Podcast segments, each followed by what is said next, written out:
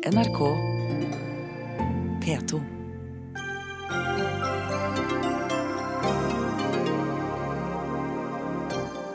Varg Vikernes er arrestert i Frankrike siktet for å ha planlagt en massakre. Både han og ektefellen er varetektsfengslet i Paris. Luftfartsverket fant ikke noe å sette fingeren på etter tilsyn hos Ryanair. Nå må Arbeiderpartiet be flyselskapet om unnskyldning, krever Fremskrittspartiets Bård Hoksrud. Svensk professor vil nominere varsleren Edward Snowden til Nobels fredspris. Et spennende forslag, sier SV. Bomskudd, svarer Frp.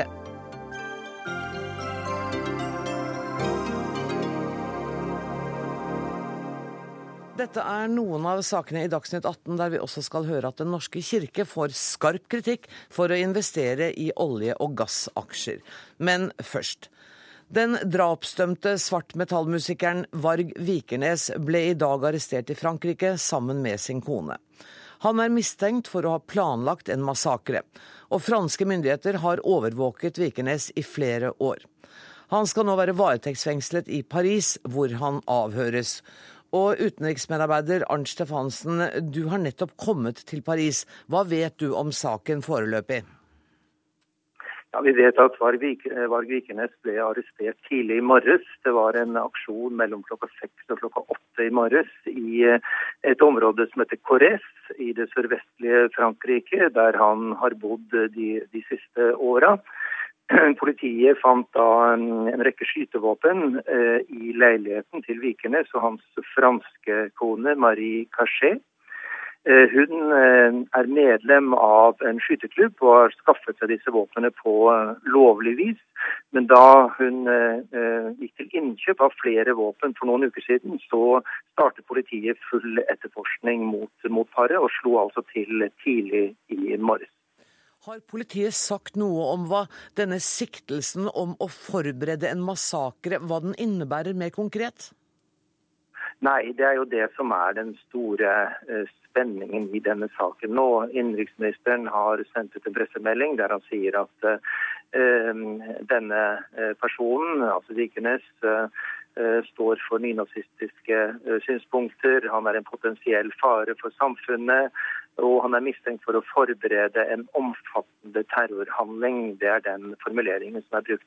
Men vi vet ennå ikke hva de hadde tenkt, eventuelt hadde tenkt å gjøre, når dette skulle skje, hvor det skulle skje osv. Så, videre. så detaljene mangler i denne historien.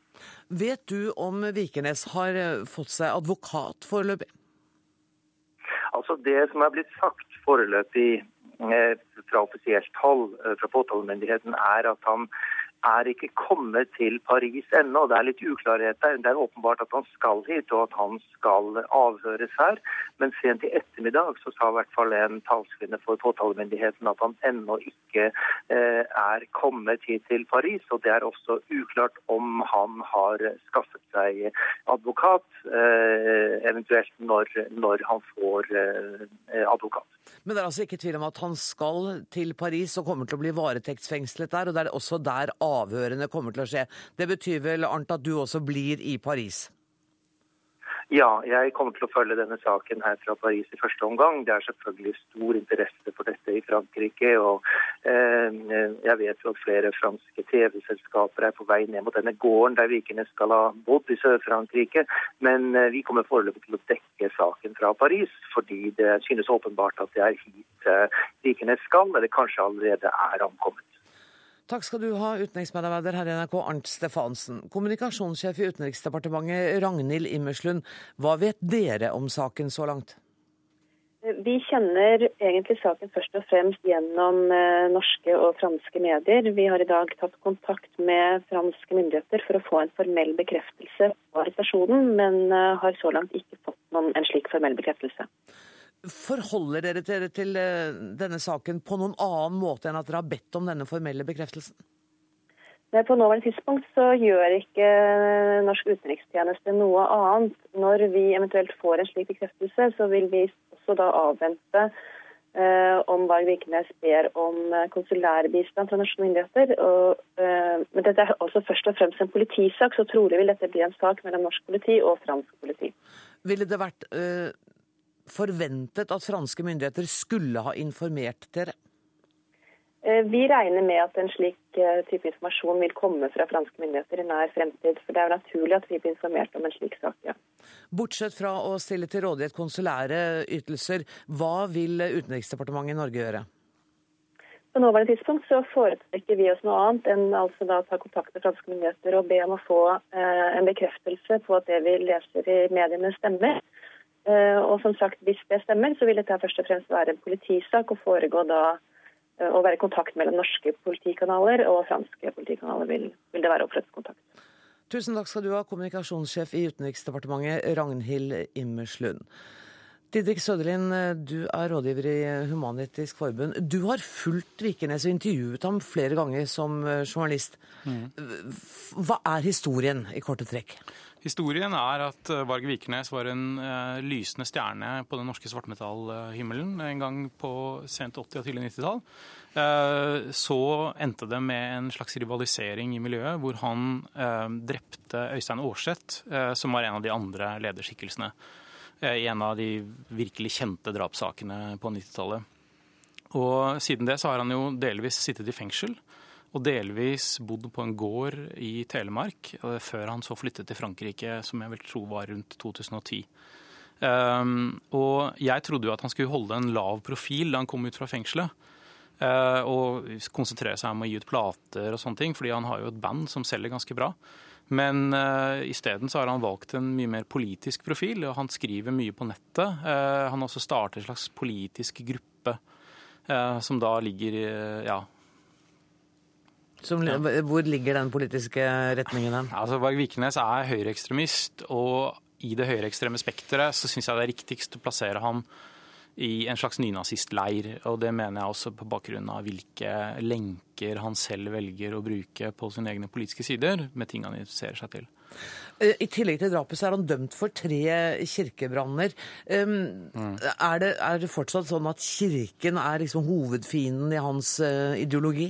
Det tror jeg nok ikke. Uh, han har nok veldig mye mot kristendommen, men jeg tror du må forstå hatet hans til kristendommen mest som et utslag av at han er ekstremt antisemittisk, og at han ser på kristendommen som en slags jødisk komplott for å slavebinde Europa for å gjøre mennesker til slags sånn kunstige jøder. da. Så, så, jeg tror du må se det litt gjennom det spekteret. Jeg tror ikke han har noen planer om å brenne noen kirker i nær framtid, for å si det sånn. Nei, men han har altså ifølge påtalemyndighetene i Frankrike planer om en massakre. Eh, overrasker det deg at uh, han, hvis det er riktig det påtalemyndigheten i Frankrike mener, har den, fortsatt denne type voldelige tendenser? At han Altså, Han har jo helt klart en voldelig ideologi, og han syns jo at vold er OK. Men jeg har vanskelig for å forestille meg ham være involvert i denne typen ting, nettopp fordi han har såpass mye å tape på det. Han har en musikkarriere, han har familie osv. Jeg kan ikke forestille meg at han har lyst til å tilbringe resten av livet i et fransk fengsel eller et annet fengsel for den saks skyld. Um, så, så, mitt inntrykk her, basert på ren synsing, er at dette er det franske politiet som ønsker å være på den sikre siden. Og det er kanskje egentlig greit, når vi med Breivik i mente vet hva folk med sånn tilbøyelighet kan finne på. Hvilken posisjon uh, har Vikernes i det norske metallmiljøet i dag, fram til nå, da? altså, saken med Vikernes som du må huske på, er at han er både musiker og en slags ideolog og kultfigur. Og Det gjør at du har veldig mange folk som er, elsker musikken hans, mm. men som syns at det ideologiske han står for, er helt totalt ufyselig. Så han, han eh, er, regnes jo som en viktig, eh, moderne rockmusiker i Norge. Han er jo noe nær ved å bli kanonisert, nesten gjennom bl.a. at Morgenbladet hadde i fall en av platene hans med på sin kåring over Norges viktigste plater og sånn. Eh, men det gjøres jo gjerne av folk som ikke akkurat er nazister selv. Da. Så, så er, de fleste skiller ganske skarpt mellom det. Det er litt, det er litt som Hamsun-debatten dersom Hamsun hadde levd fremdeles. Og der ga du meg stikkordet til å gå over til forfatter Håvard Rem. For du er jo en av dem som nettopp har sammenlignet eh, eh Vikernes med eh, Hamsun. Ja da. Han, eh, han har en veldig høy eh, musikalsk og kunstnerisk standing internasjonalt i dag. Eh, en av de tingene som, eh, som man får mest spørsmål om på utenriksstasjonene, de norske utenriksstasjonene, det er jo nettopp black metal. Og det gjelder i alle verdensdeler. og og, og Vikenes har en, etter hvert en, en, en nærmest legendestatus. Uh, og den, den er veldig høy når det kommer til musikk. Uh, når det kommer til ideologi, så varierer det veldig fra område til uh, område. I i Norge så, så, har det norske black metal-miljøet blitt nokså mye avideologisert, avpolitisert. Men jeg merket spesielt da jeg besøkte black metal-miljøer i Øst-Europa, i Romania, i, i, i Russland, så, så, er de ideologiske fargene veldig sterkt til stede. Og der har Vikenes en høy standing, ikke bare musikalsk og kunstnerisk, men også politisk og ideologisk.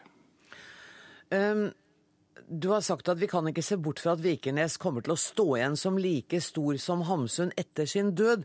Men det du sier nå, det stiller i hvert fall krav om at man skal skille da, mellom musikken og ideologien, slik som mange mener at man må skille mellom Hamsuns politiske oppfatninger og forfatterskapet. Og der har vi jo hatt 70 år på å nærmest øve oss på, når det gjelder Hamsun. Og, og, etter hvert så har vi jo vi, vi, klarer jo å gi Hamsun hans rettmessige plass i litteraturhistorien uten, uten at vi nødvendigvis tar til oss hans, eh, en del av det politiske budskapet hans. Og, og jeg går ut ifra at det samme vil bli tilfellet med, med Vikernes, hvis hans eh, kunstneriske standing holder seg, og, og hvis han fortsetter sin uh, ideologiske kurs, som kan tyde på at han gjør. Journalist og forfatter Øyvind Strømmen Vikernes har sagt at han tok avstand fra nasjonalsosialismen i 2008, men kaller seg rasist. Kan ikke du også hjelpe til å prøve å forklare hvor han står ideologisk? Det han kaller seg sjøl i dag, er jo odalist. Um, og det betyr? Ja, det kan du si. Uh, det er jo en referanse til norrøn, den norrøne mytologien og norrøn uh, symbolikk som ligger i det. Det er det samme ordet som en finner f.eks. I, i odel, i odelsgut. Eh, så det er en referanse bakover til arv da, fra det norrøne. Samtidig så tror jeg nok de aller fleste, hvis de leser tekstene til Vikernes, vil, vil kunne gjenkjenne det som nynazisme. Eh, fordi at det er en rabiat nasjonalisme, det er rasetenkning, og det er ikke minst eh, veldig fokus på jødene som, som fiende. Og veldig sånn klart og tydelig antijødisk. Et eksempel på det er jo at han også etter 22.07 la skylda skylda på 22.07 på, på jødene og fremheva eh, Breivik som en slags jødisk marionett. Men samtidig så har han jo, så vidt jeg vet, eh, i et blogginnlegg eh, tatt avstand fra Breiviks handlinger. Ja, det har han helt konkret gjort. Han har jo meint at ingen virkelig nasjonalist ville drepe spesielt unge nordiske kvinner på den måten. Eh, så har han etter hvert uttrykt noe mer sympatier for, for, Breivik. Men samtidig så skal han være klar over at Vikernes har skrevet helt konkret at han er uenig med, med Breivik i at vold er den eneste løsningen. Og han har uh, en veldig krigersk retorikk, Vikernes, men samtidig så har han ved flere anledninger sagt at han ikke vil oppfordre til vold. og han har òg advart mot, mot, vold og sagt at det viktige nå er å spre informasjon informasjon om dette påståtte jødiske eh, komplottet. Mm. Slik at eh, de befinner seg i litt forskjellige ideologiske landskap. Selv om begge to er utvilsomt høyreekstremister, så er ikke det, et, det er ikke en entydig kategori der. Hos Breivik så er det mye mer fokus på, på muslimer, mens hos Vikernes er det jødene. Og så har begge to selvfølgelig én ting til felles, og det er at de er opptatt av, av forrædere. Og at på en måte eliten, eh, politikerne osv. har forrådt nasjonene, og at nasjonene er i ferd med å gå til helvete. Mm. Didrik Søderlin, Det er jo ikke noen tvil om at eh, han har voldelige tendenser. Han har bevist at han kan drepe og, og brenne. Det har han bevist. Han beviste jo også da han flyktet fra fengsel i 2003 at han ikke hadde akkurat eh, lagt de voldelige tilbøyelighetene på hylla heller. Nei, for han har jo noen dommer også etter, etter den tid for, for bl.a. vold. Hva er det som gjør at du tror at det er usannsynlig at han har planlagt en omfattende terror behandling nå? Jeg tror ganske enkelt både fordi han, som Øyvind Strømmen påpeker, har tatt eksplisitt avstand fra ulovlige metoder. Det skrev han skrev på siste blogginnlegget sitt, at han advarer folk. Er det noen grunn til å stole på det han skriver? Ikke nødvendigvis, men jeg tenker litt på hvordan hans livssituasjon er. Og jeg tror ganske enkelt at han har for mye å tape. Mm. En person som Breivik hadde ingenting å tape. Han hadde ingen venner, ingen familie, ingen karriere. Han satt på gutterommet hjemme hos mamma. Varg Vikernes har disse tingene, og har liten tro på at han ønsker å bytte det ut med en celle. Mm. Tiden vil bare vise hvem som mm. har eh, rett. Ja. Tusen takk til Didrik Sørdelin, Håvard Rem og Øyvind Strømmen. Hør Dagsnytt 18 når du vil, på nettradio eller som podkast. nrk.no – dagsnytt 18.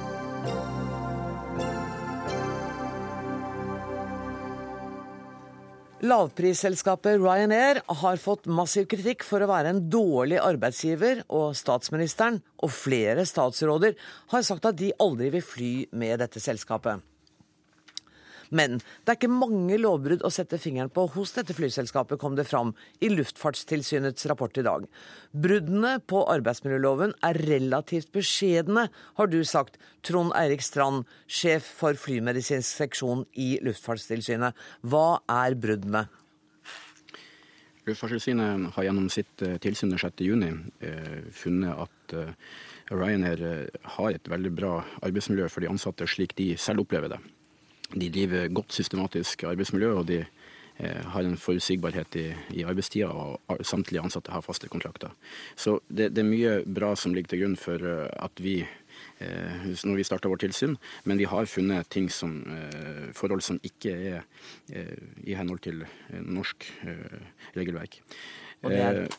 Ja, Det er i hovedsak forhold som svekker de ansatte sitt stillingsvern. Eh, og da eh, kontraktfesta gjennom deres arbeidskontrakter, som vi også har sett på i dette tilsynet. Eh, det er annet, står det omtalt der at de ansatte må kunne la seg undersøke av Ryanairs medisinske personell, og, de kan få informasjon om helsa deres. Det går på prøvetid som er på tolv måneder over det eh, som er vanlig regel på seks måneder. Oppsigelsestida er på minst tre måneder, eh, eller i alle fall tre måneder. Og eh, det går på at ferien deres kan bli avbrutt. Men noe av det viktigste er at de har ikke, de har ikke et fastsatt stillingsstørrelse. Ehm, så, så man vet ikke om man jobber 50% eller 100% Nei, ikke etter kontrakten, men i praksis så opplever både de ansatte og selskapet eh, at dette er veldig godt, godt forutsigbart.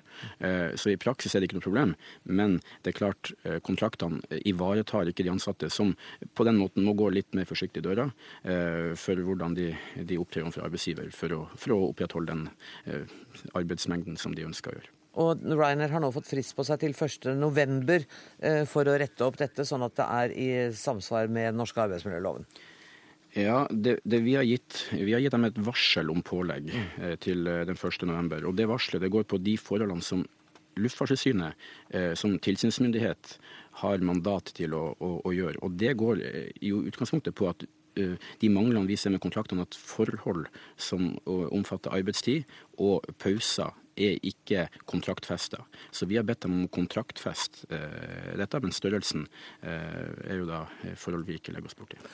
Nettopp. Og, og, så er det andre eh, områder dere ikke kan legge dere borti. Det faktum at de ansatte må akseptere å ha helsesjekk hos en lege som Ryanair bestemmer, og at de medisinske opplysningene som den legen sitter på, kan deles med arbeidsgiver. Mm. Det, det, er jo ikke et godt forhold, det, og, og, det mener vi kan være et brudd med personvernloven.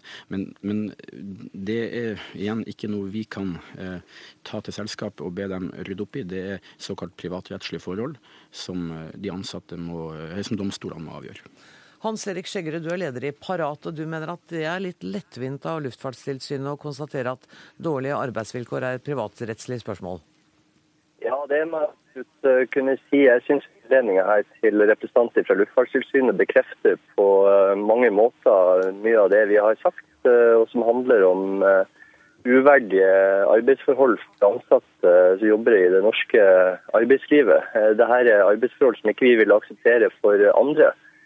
Eh, og jeg synes det er rart og litt lettvint når Luftfartstilsynet sier at f.eks. For det forhold at en ansatt må la seg undersøke av uh, selskapets egen lege, og at den legen kan videreformidle de opplysningene til selskapet, i seg sjøl må kunne sies å kunne få inn på, på helse, miljø og sikkerhetsforholdene i selskapet.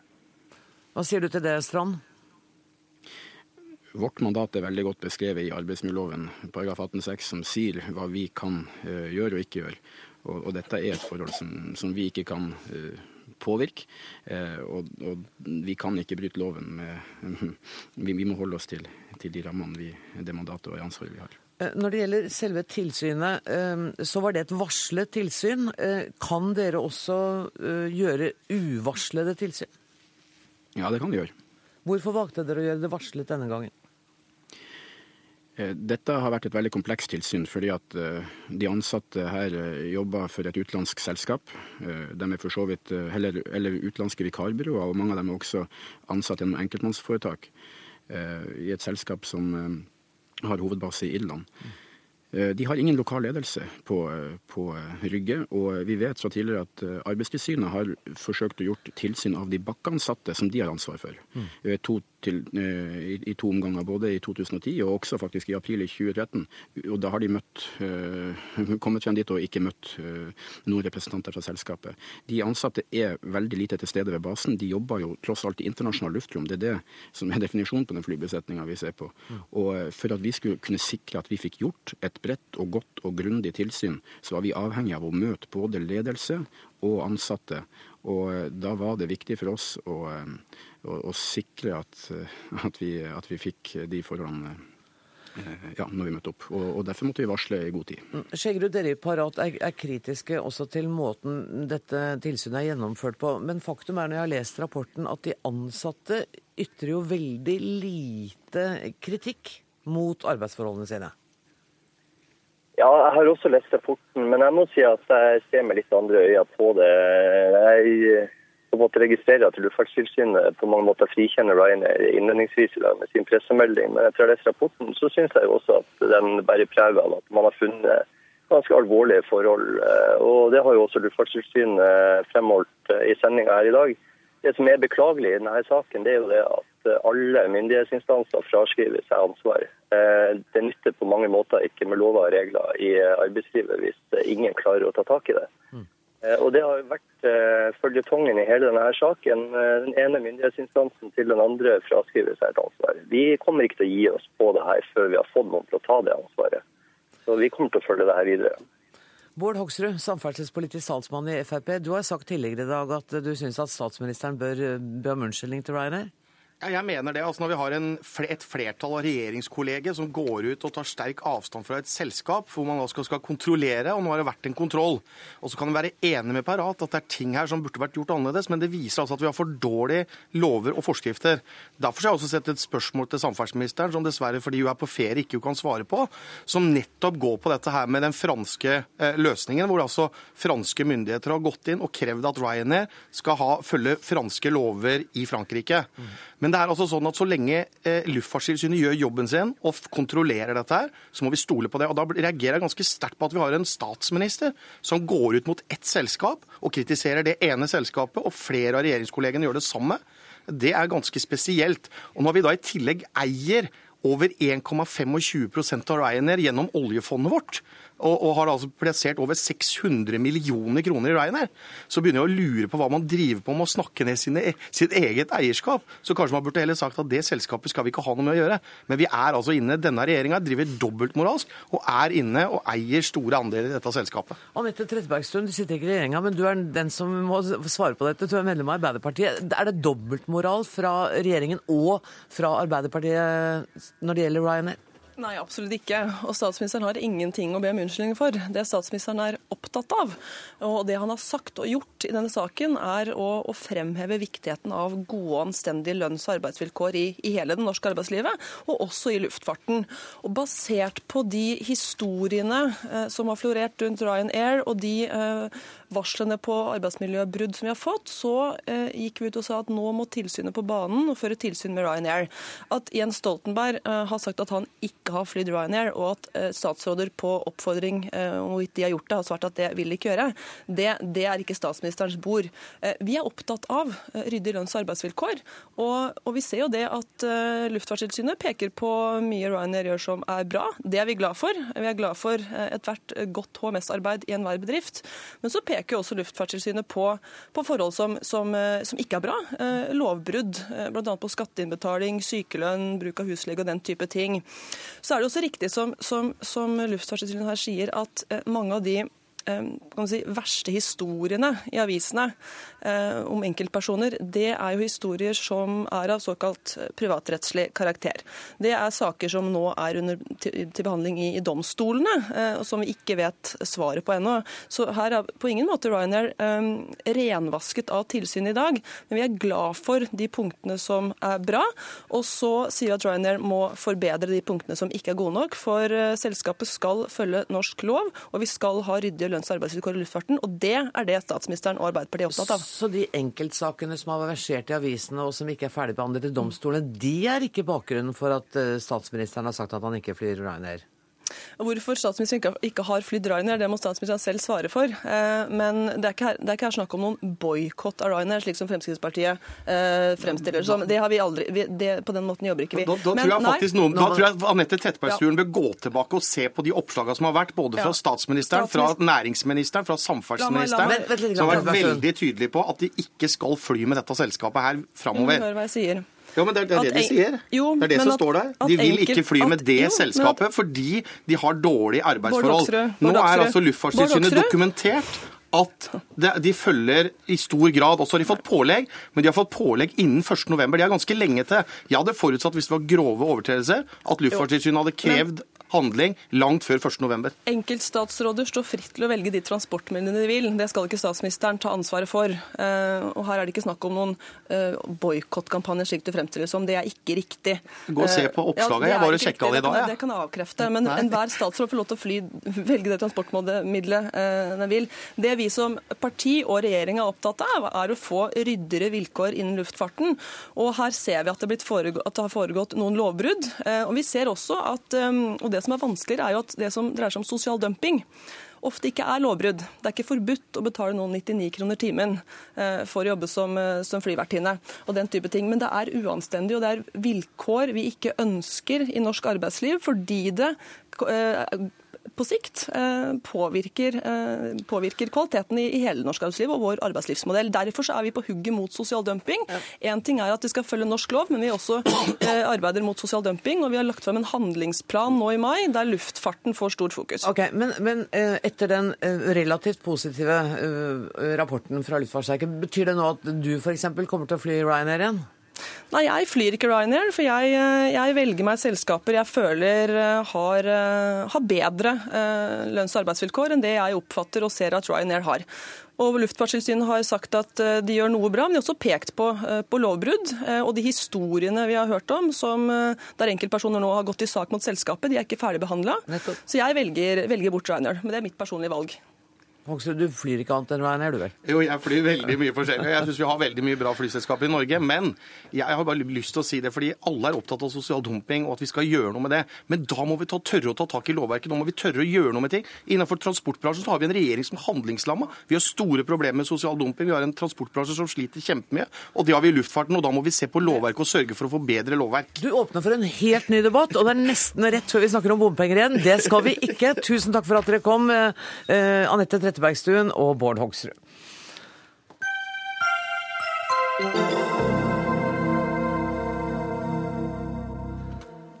Vi skal til Mexico, der lederen av det beryktede Zeta-kartellet ble pågrepet i går. Miguel Angel Trevino har vært en brutal leder og har tusenvis av liv på samvittigheten. Amerikanske myndigheter har tidligere utlovet en dusør på 30 millioner kroner for opplysninger om denne mannen. Nils Myklebost, du er journalist og har reist mye i Latin-Amerika. Hva kan du fortelle om denne pågripelsen? Ja, eh, Miguel Angel Trevino ble, ble arrestert mens han var ute og kjørte i pickupen sin sammen med, sammen med noen uh, medhjelpere i, på, i grenseområdene mot uh, USA. Uh, med to millioner dollar i cash og masse våpen og ammunisjon. Han har vært etterlyst i, i årevis som, som, leder for Zeta-kartellet. Han har jo klart å holde seg skjult da, i årevis. Ja, disse topplederne i kartellene i Mexico de klarer å holde seg skjult veldig godt. De, de har jo masse penger, og, og de har korrumpert hele det meksikanske samfunnet. Så det er lett for dem å gjemme seg unna. De farter til dels mellom USA og Mexico uten å bli tatt over grensene. Men dette kartellet er jo ikke det eneste. Betyr denne pågripelsen at det nå liksom er slutt på kartellvirksomheten? Nei, det betyr det ikke på noen måte. Det er seks-åtte karteller som driver en, en milliardgeskjeft. Det er hundrevis av milliarder av kroner i, i, som, som, narkotikatrafikken inn til USA gjennom Mexico er verdt. Mm. Dette, det det betyr, er at det egentlig er det første vellykkede operasjonen til den nye presidenten i Mexico etter at han tok over, uh, Enrique Peña Nieto. Uh, han har ikke hatt noen suksess hittil. Han har lovet en ny strategi etter den forrige presidenten, som, som førte en militær kampanje mot kartellene med med et resultat av at 70 000 mennesker, kanskje 100 000 mennesker er blitt drept i, i, i eh, oppgjør, oppgjør, mellom narkotikakartellene og mellom militæret og, og, kartellene. Trevino eh, er jo sett på som en usedvanlig brutal eh, fyr. Altså Det er både tortur og drap eh, på hans merittliste. Eh, jeg har lest at han perso personlig er en av de mer sadistiske av disse kartellederne. Han hans eh, favorittlikvideringsmetode er jo å stappe sine fiender levende i oljefat og tenne på, noe han kaller stuing. Og vi går ikke lenger i detaljene der. Vi skal isteden snakke med Eduardo Mendoza. Du har sett banden i øynene. Du arbeidet på et sykehus tolv timer nord for Mexico by. Og da de kom inn mens du arbeidet på akuttavdelingen, hva skjedde da? Hei. Um jeg var på akuttmottak i Saltillo, eh, universitetssykehus. Og så jeg var på nattvakt, og en gang eh, kom en mann, han ser ut veldig nervøs, og spurte om jeg kunne hjelpe ham. Han hadde en pasient som var veldig alvorlig, og jeg måtte dra med ham. Så jeg nektet, fordi jeg kunne ikke forlate sykehus. Og så viste meg en pistol og sa det var ikke et spørsmål, det var jeg måtte gå med ham. Mm. Hvor tok de deg hen? Og jeg var uh, veldig redd for livet min. Men hva kan man gjøre når man ser en pistol mm. foran ham? Så jeg måtte gå det, med ham. Vet du hvor du ble ført? Nei, uh, da jeg gikk inn i bilen, han uh, på en måte uh, Jeg kunne ikke se. Jeg hadde noen ting uh, i hodet. Du hadde en bind for øynene? Ja. Mm. Og, og, så kjørte de deg til et sted. Hva skjedde der? Det, det, var, det kalles som eh, forsikringshus. Mm. Det er eh, steder når man har kidnappet mennesker og eh, våpen og munisjon og narkotika og mange stoff. Og det var på et rom var en, eh, en barn nesten 17-16 år kanskje, som hadde en skuddskade på, på bein. Mm. Og det var han de ville at du skulle helbrede? Ja. Men uh, etter fem sekunder at jeg var der, han uh, ble død. Han døde mens du var der? Ja, stemmer. Hvordan reagerte kidnapperne da du ikke kunne redde denne gutten? Det var veldig sint. Eh, jeg prøvde å gi ham HLR, eh, men eh, det var veldig vanskelig. Han hadde mistet masse blod pga. skuddskade. Hva skjedde med deg da det ble klart at gutten var død og det ikke var noe du kunne gjøre? Ja, jeg, jeg, var redd for eh, livet mitt. Eh, fordi det, det er masse, mange leger som eh, er kidnappet, og det never kom tilbake. De dreper lege fordi pasienten har dødd. Men du slapp unna. Hvordan skjedde det? Det vet jeg ikke, faktisk. Men en grunn Jeg tror at de trenger lege. Så de ville kanskje de skulle kalle, kalle meg inn en annen gang. Mm. Det fikk de ikke sjansen til, for ti dager senere så satte du deg på et fly til Norge. Eh, og nå, hva skjedde med familien din? Er de også kommet til Norge? Ja, de kom sammen med meg til Norge to eller tre måneder etterpå at jeg var her i, i landet. Førsteamanuensis ved Høgskolen i Oslo, Roy Krøvel, du har skrevet en doktorgrad med fokus på meksikansk historie.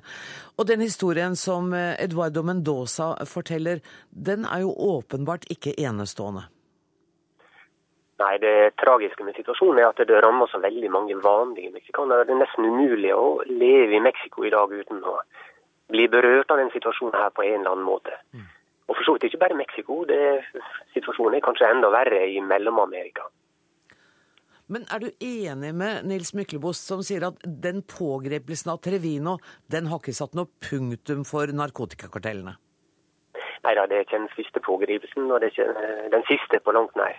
Det er veldig mange toppledere faktisk som har blitt drept de siste åra, men det ser ikke ut til å ha svekka konflikter på noen måte. Tvert imot, kanskje. Antageligvis så skyldes eh, de brutale krigføringene nå mellom organisasjonene kanskje at det er en, en, konkurranse rett og slett om markedet.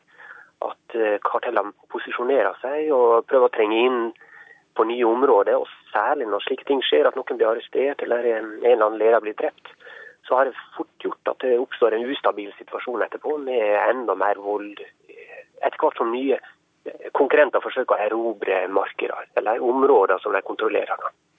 Og Myklebust fortalte at, eh, at, myndighetene i landet har jo forsøkt forskjellige måter å bekjempe dette på. Alt fra militærmakt med mange tusen mennesker døde som resultat, og nå altså med eh, en økt innsats fra politiet. Står myndighetene rett og slett litt maktesløse? Hvis en skal være veldig kynisk her, så, eh, så ser det slik ut. For det her har vart i fryktelig mange år. Og det er naturligvis ikke bare Mexico. Det strekker seg helt ned til Colombia og Peru. Og, og den situasjonen her med vold som bølger fram og tilbake, den henger veldig nøye sammen med behovet etter kokain og ønsket etter å kjøpe kokain i Europa og USA.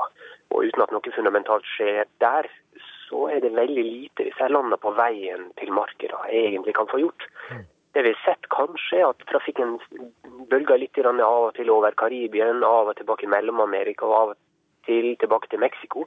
Altså at enkeltland kanskje i perioder greier å å demme opp, men det er en tendens til bare å gå utover andre land igjen. Mm. Akkurat nå f.eks. er Vest-Afrika veldig, veldig plaga med en lignende situasjon.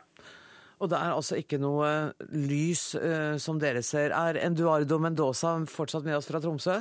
Yep. Eduardo, uh, når du hører dette, det, og det stemmer vel med din erfaring at det er ikke noe særlig håp om at det skal bli en snar slutt på uh, disse narkotikakartellene, tenker du at du skal flytte hjem igjen? Det vet jeg ikke. Det er et veldig vanskelig spørsmål. fordi på mediene i Mexico de snakker om fred og at ting er eh, bedre nå. Mm. Men når man ser på Facebook og litt som uh, sosiale medier, det skjer uh, masse rare ting fremdeles. Uh, F.eks. det var for to eller tre uker siden på min hjemby i, i Torreon at de skulle uh, kidnappe en, en ung lege. Hun var ei dame, men uh, Heldigvis var uh, militær i nærheten, så de stoppet uh, kidnappet. Mm. Men det, det, skjer noen ting fremdeles. Tusen takk for at du delte historien din med oss, Eduardo Mendoza. Takk til Nils Myklebost og til Roy Krøvel.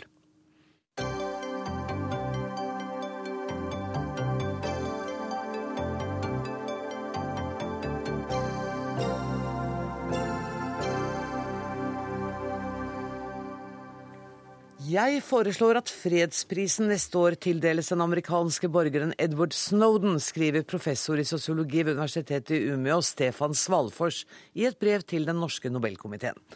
Professoren skriver i begrunnelsen sin at citat, gjennom å sette lys på dette overvåkingsprogrammet, som bedrives i strid med nasjonale lover og internasjonale avtaler, har Edward Snowden bidratt til å gjøre verden en liten smule bedre og sikrere. Sitat slutt. Audun Lysbakken, leder i SV, velkommen tilbake til Dagsnytt 18. Takk. Du, det, du, har sagt at det er et spennende forslag eh, som nå kommer. Hvorfor det? Jeg synes det er spenstig av professoren å tørre å stikke nakken ut og komme med et så kontroversielt forslag. Eh, men jeg Jeg mener at det Snorden har gjort, er viktig og riktig. Han har altså avdekket eh, omfattende, eh, mener han, og det ser ut til at han har rett til det, overvåking av både amerikanske borgere og andre. Og med det åpnet verdens øyne for det forferdelige potensialet som ligger i dagens teknologi, og stormaktenes mulighet og vilje til å bruke den til å trenge inn i privatlivet til folk. Og på den måten pekt på det som er en av vår tids store spørsmål. Er vi villige til å veksle inn vår egen frihet mot økt sikkerhet. Eh, jeg syns han fortjener støtte og solidaritet for å, eh, for å tørre å stå fram og, og gjøre den varsla jobben. Bør du få fredsprisen, da? Altså, nå har det sånn at Jeg har faktisk nominert en annen. Ja, Hvem har du nominert? En, en kongolesisk lege som heter Dennis Mukwege, som har gjort uh, en fantastisk viktig jobb med å sette uh, fokus på overgrep mot kvinner i krigen i Kongo. Så jeg mener han bør få prisen. Men jeg syns det er bra at forslaget om Snowden også kommer, fordi det er med på å bygge opp rundt den internasjonale solidariteten for Snowden. Og jeg håper at komiteen også vil vurdere det på en, en seriøs måte. Jan Arild Ellingsen, det overrasker vel ikke noen at, uh, du, at du, er uenig? En smule uenig. Bitte lite grann uenig.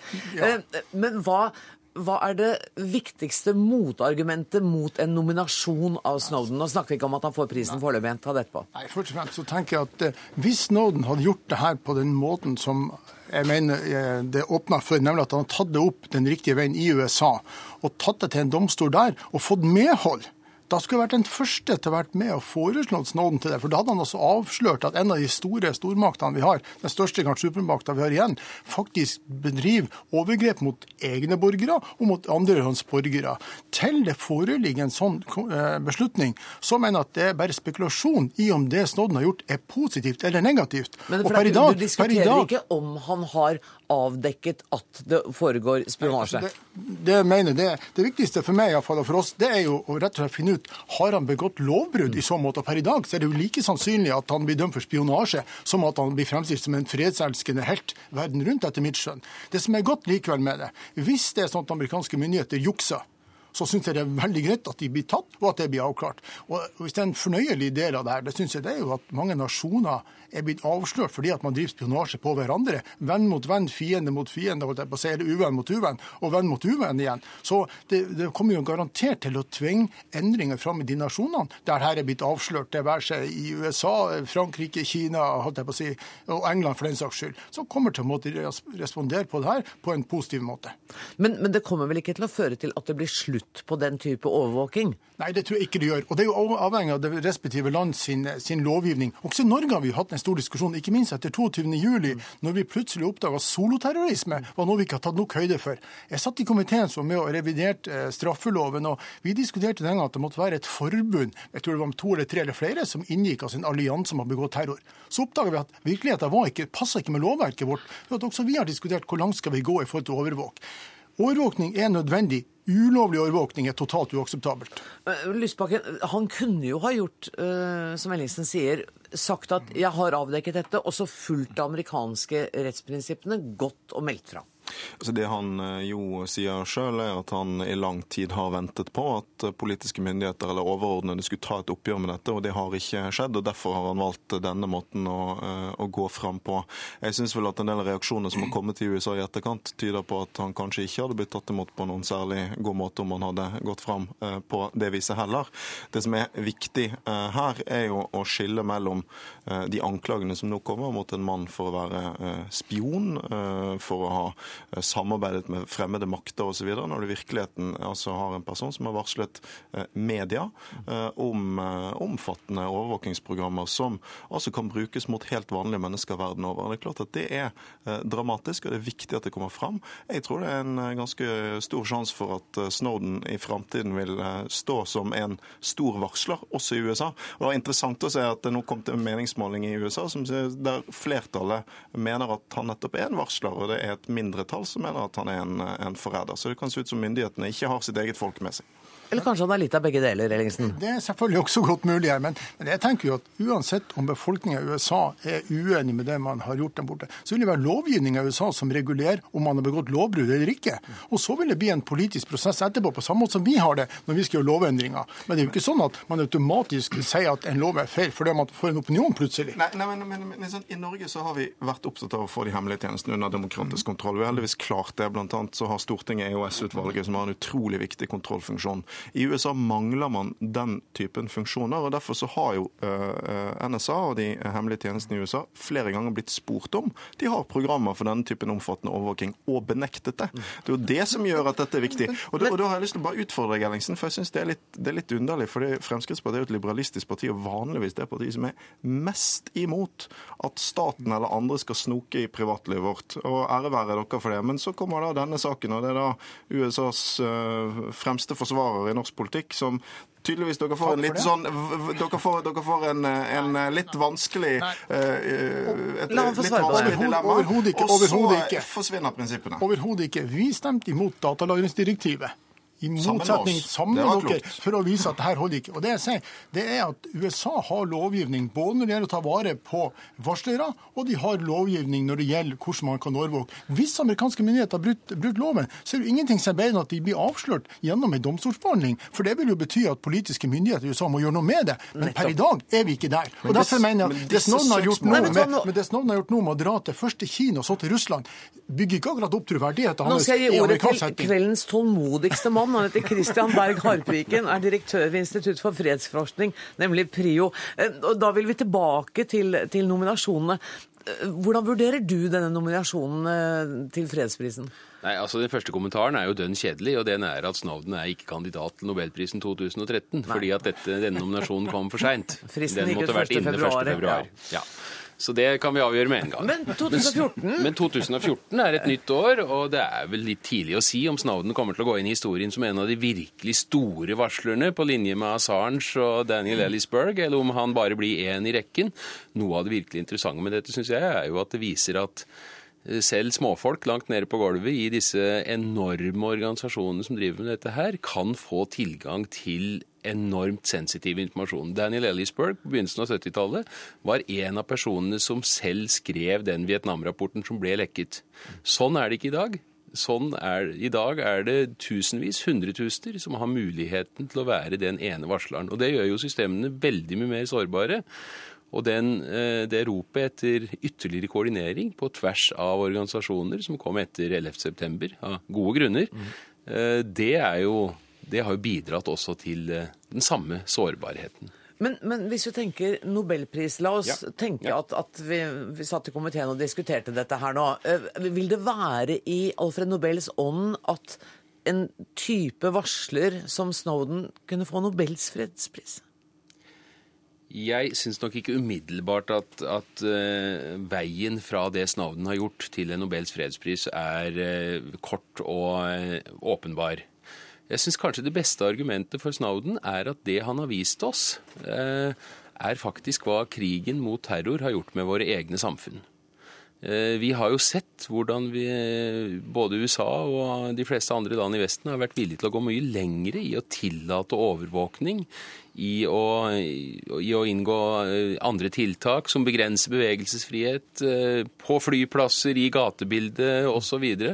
Eh, og dette begrenser på mange måter den friheten som vi da skulle forsvare, nettopp mot den trusselen. Kanskje Så han holder på en måte opp et speil for mm. våre egne samfunn og ser ja, eh, vi har engasjert oss i denne krigen, men kanskje har vi gjort det på en måte der vi faktisk taper noe av det vi skulle forsvare. Men vi, vi kan konkludere i Dagsnytt 18. Han får ikke fredsprisen neste år, for det, til det er det kommet inn for seint. Uh, Audun Lysbakken uh, har uh, nominert Dennis Mukwege, lege fra Øst-Kongo. Har du nominert noen? Jeg har ikke nominert noen, og jeg tror heller ikke at uh, herr kommer til å få den. fordi at Forutsetningen må jo være at han bidrar med noe positivt. Og det vet vi ikke per i dag. Vi vet ikke hva slags informasjon han har gitt ut, og vi vet ikke konsekvensene av den informasjonen han har gitt ut. Så jeg føler meg ganske overbevist om at han ikke vil få den. Vi er helt sikre på at han ikke får den neste år. Ja. 2014 er første mulighet eventuelt, ikke sant Harpe? Haltbrekken? Det er det. Og det som blir veldig interessant fremover, er jo at uh, dette har utløst allerede en, en, en, rekke anmeldelser i USA. Så de rettssakene som åpenbart vil, uh, vil teste Snowdens påstander, de, de, får vi. Og det blir en tøff debatt. Og det blir en tøff debatt de, å stå i for den amerikanske administrasjonen. Ja, og de kommer jo nå pga. varsleren. Uh, og det er det som vil vise også hva slags rolle han får historisk. Jeg tror jo det ikke hadde kommet uten hans mot. Vi fortsetter å følge med. Tusen takk for at dere kom, Audun Lysbakken, Jan Arild Ellingsen og Christian Berg Harpviken.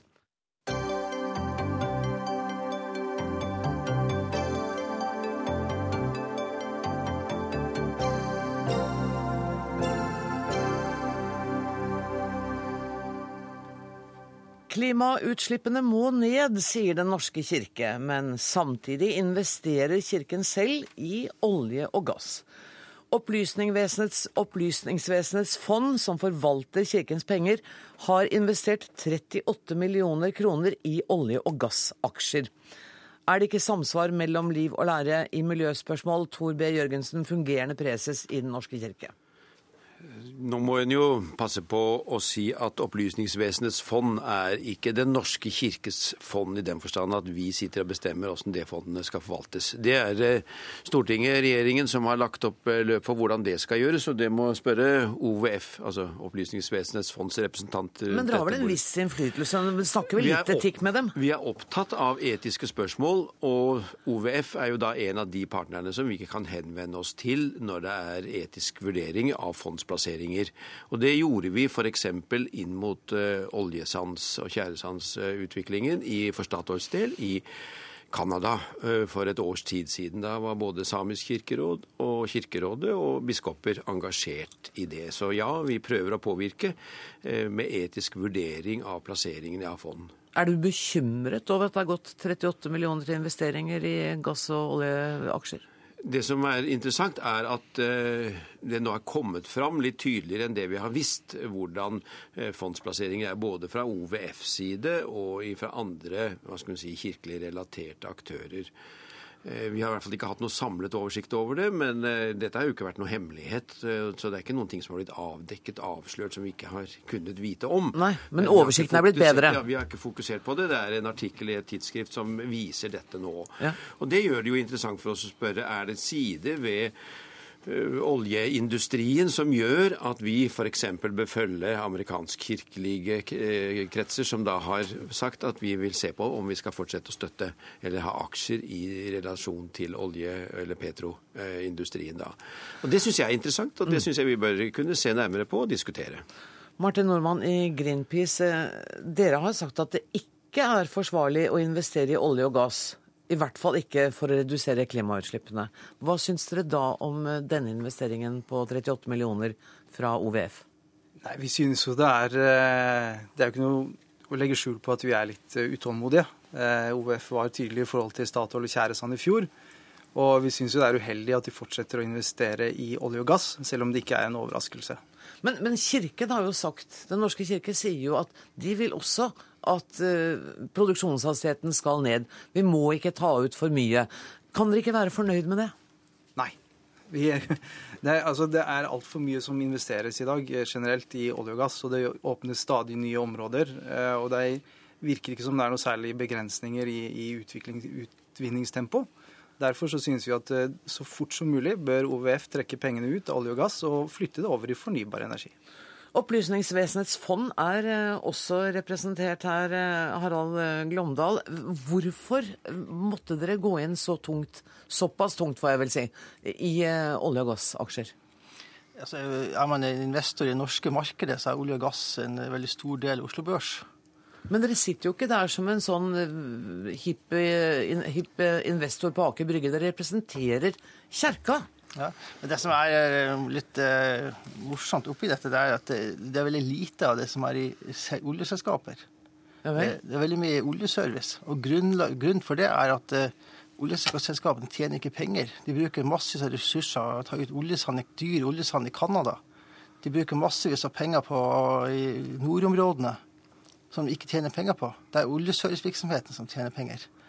Og, og dere vet hvor man tjener penger, og skal tjene penger for Den norske kirke. Og da har dere vært kløktige i valg av aksjer. Er det helt i orden at det er oljeservicenæringen de har eh, investert i aksjer i? Nei, vi syns jo ikke det. Men det er jo interessant at eh, selv profesjonelle aktører i Norge nå kommer på banen og er tydelige på det. At eh, satsing på tjæresand, ukonvensjonell olje i Arktis, er ulønnsomt og en dårlig investering. Men vi skulle jo ønske at de heller brukte pengene på annen type virksomhet. enn Som f.eks.? for eksempel? Fornybar energi, for eksempel. Ja, Det vil jeg også si. da. Det er jo det som, da er jeg enig med Green- Greenpeace i den forstand at jeg er også veldig utålmodig på dette. Spørsmålet om utviklingen av klima, miljøet vårt, det er jo et kjernespørsmål for oss alle.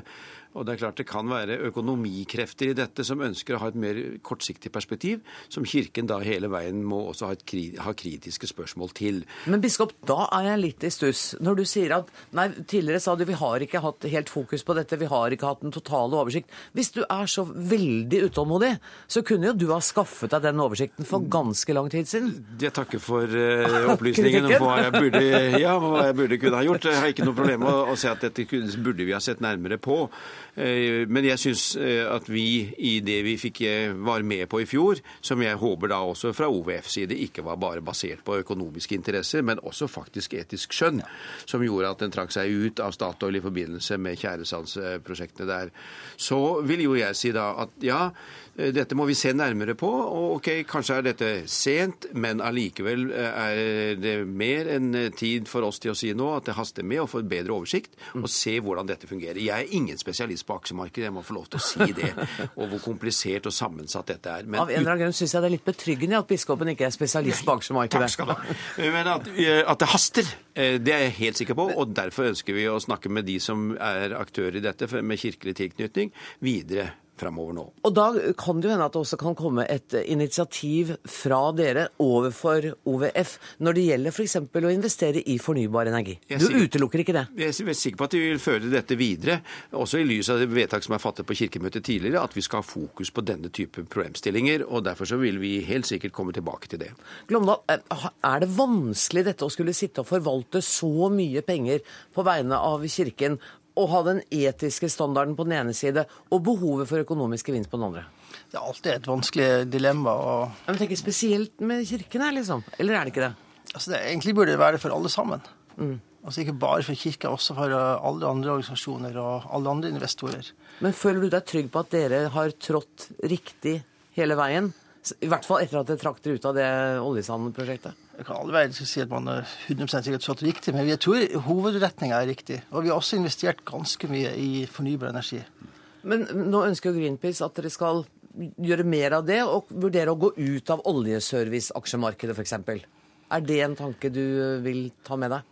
Vi, vi vil gjerne vi kommer til å se på den, det gjør vi.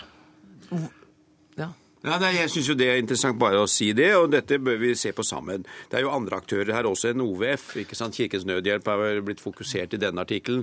De har en ungdomsorganisasjon som gjør hjertet mitt banker sterkt for Changemakers, som jo nå i avisa Vårt Land i dag er veldig tydelig på at dette må de se mer på hos seg. Vi har invitert eh, Kirkens Nødhjelp også, men de hadde dessverre ikke anledning til å delta i samtalen akkurat i dag. Men det som, du, du må jo være litt eh, oppmuntret når, man, når du hører at eh, det er ting på gang her. Ja, det, det er selvfølgelig godt å høre det, at uh, man vil ta ansvar. Og jeg regner jo med også at uh, når dette her nå er kommet opp i dagen, at ikke bare OVF og, og kirkens uh, forskjellige aktører, men også alle andre går litt i seg sjøl og tenker hvor er det pengene mine er investert? Det håper jeg. Derfor så synes jeg den utvidelsen fra å bare fokusere på OVF og kirkelige organisasjoner til å gjøre dette til et allmennspørsmål, det syns jeg er en veldig fin eh, bit av dette. Og OVF og Kirken samarbeider godt om dette, så dere kommer til å finne gode løsninger som både tjener jeg holdt på å si, Kirken og pengekassa? Jeg håper det, og jeg setter veldig stor pris på at vi blir dytta litt i ryggen og litt framover hver gang. Ja, for dere trenger det? Jeg tror alle trenger. Ja, Det var nå en forsiktig måte å si det på. um, vet dere hva, kjære venner, vi, Jeg gleder meg til å invitere dere tilbake når jeg, vi får en ny oversikt over hvordan uh, denne aksjeposten er fordelt. Jeg sier uh, tusen takk til uh, Tor Jørgensen, til Harald Glomdal og til Martin Nordmann. Dermed er det slutt på nok en utgave av Dagsnytt 18. Ansvarlig for sendinga vår i dag var Magnus Bratten. Det tekniske ansvaret har Lisbeth Sellreite. Jeg heter Anne Grosvold. Dette programmet er på lufta om nøyaktig 23 timer. Takk for nå.